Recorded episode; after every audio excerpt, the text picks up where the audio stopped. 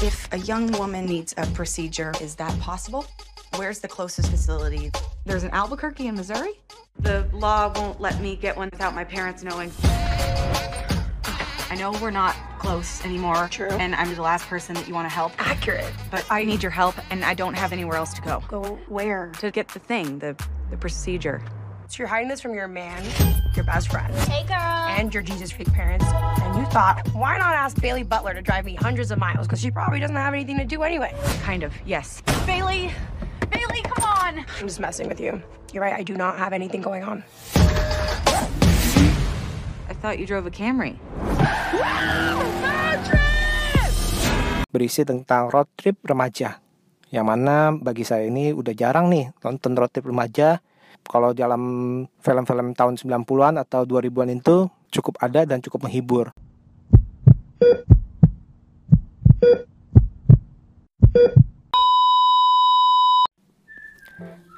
Hey hey hey. Selamat bergabung kembali di channel BB69. Sobat BB69, pada episode kali ini kita akan membahas sebuah film yang berjudul Unpregnant.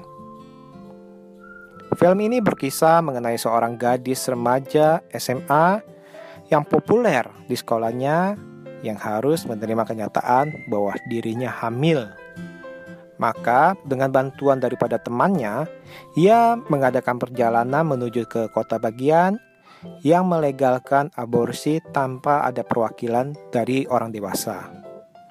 Dilihat dari premis filmnya, memang film ini bukanlah film satu-satunya yang mengangkat mengenai kehamilan remaja ataupun tindakan aborsi. Namun, film ini menurut saya cukup menarik untuk diikuti. Apalagi juga bisa dibilang termasuk film golongan road trip. Hal-hal yang saya sukai dari film ini adalah yang pertama, bahwa penggambaran daripada karakter utamanya merupakan wanita atau remaja putri yang kuat. Kenapa? Karena di sini digambarkan bahwa sang gadis setelah dia menerima atau mengetahui dirinya hamil, dia tidak berlarut-larut tenggelam di dalam kesedihan atau kebingungan. Memang di awal dia shock ataupun sedih ataupun bingung. Namun dengan cepat dan sigap ia mengambil ataupun membuat rencana-rencana yang pasti untuk melakukan yang dia sudah putuskan. Dia bukanlah tipe orang yang menye-menye ataupun terlalu bergantung pada sang kekasih. Itulah yang saya suka daripada karakter film ini. Hal kedua yang saya suka adalah film ini berisi tentang road trip remaja. Yang mana bagi saya ini udah jarang nih nonton road trip remaja. Kalau dalam film-film tahun 90-an atau 2000-an itu cukup ada dan cukup menghibur. Jadi film ini dihiasi oleh perjalanan daripada sang tokoh utama dan sahabatnya dengan kegilaan-kegilaan yang mereka alami dan tanpa disangka-sangka. Namun film ini bukanlah film yang sempurna karena ada beberapa kekurangan yang saya rasakan atau mengganjal di hati. Hal yang paling utama adalah karakter pria atau pacar daripada sang tokoh utama ini dibuat menurut saya sih tidak baik ya. Agak-agak brengsek ya. Walaupun pada awalnya sang pria ini ingin agar pacarnya itu tetap mempertahankan kehamilannya. Bahkan sang pacar ini ingin menikahi daripada sang gadis. Tapi dibuat kok malah dipelintir menjadi seperti kayak orang yang aneh atau freak atau brengsek ya.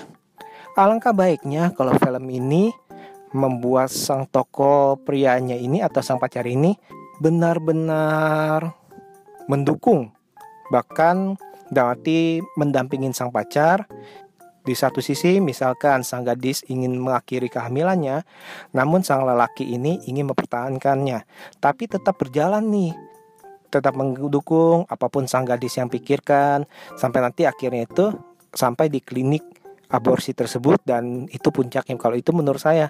Sedangkan kalau ini sepertinya ini seolah-olah ini kenapa ya? Kok dianggap seperti brengsek sekali nih? sang pacar atau sang lelaki yang ingin mempertahankan kehamilan daripada sang gadis ini malah dilukiskan seperti ini. Yang berikutnya adalah masih berhubungan dengan yang pertama. Ada scene di mana mereka bertemu dengan pasangan yang pro life ya atau menentang aborsi tapi penggambarannya mereka itu menjadi pasangan yang aneh dan tanda kutip menakutkan oke kalau itu sebagai bumbu komedi mungkin masih oke okay lah ya masih bisa diterima lah. Tapi kalau ini kita anggap ini sebagai pemikiran serius kalau kita bandingkan ini kenapa ya? Dari toko sang pacar lelaki itu atau toko pasangan yang pro life ini malah yang pro life itu sepertinya kok freak ya. Malah aneh. Malah bahkan menakutkan dan brengsek. Karena memaksakan sepertinya memaksakan kehendaknya dan mungkin ini merupakan luapan hati daripada mereka yang merasa itu adalah hak mereka untuk memutuskan apakah boleh diaborsi apa enggak.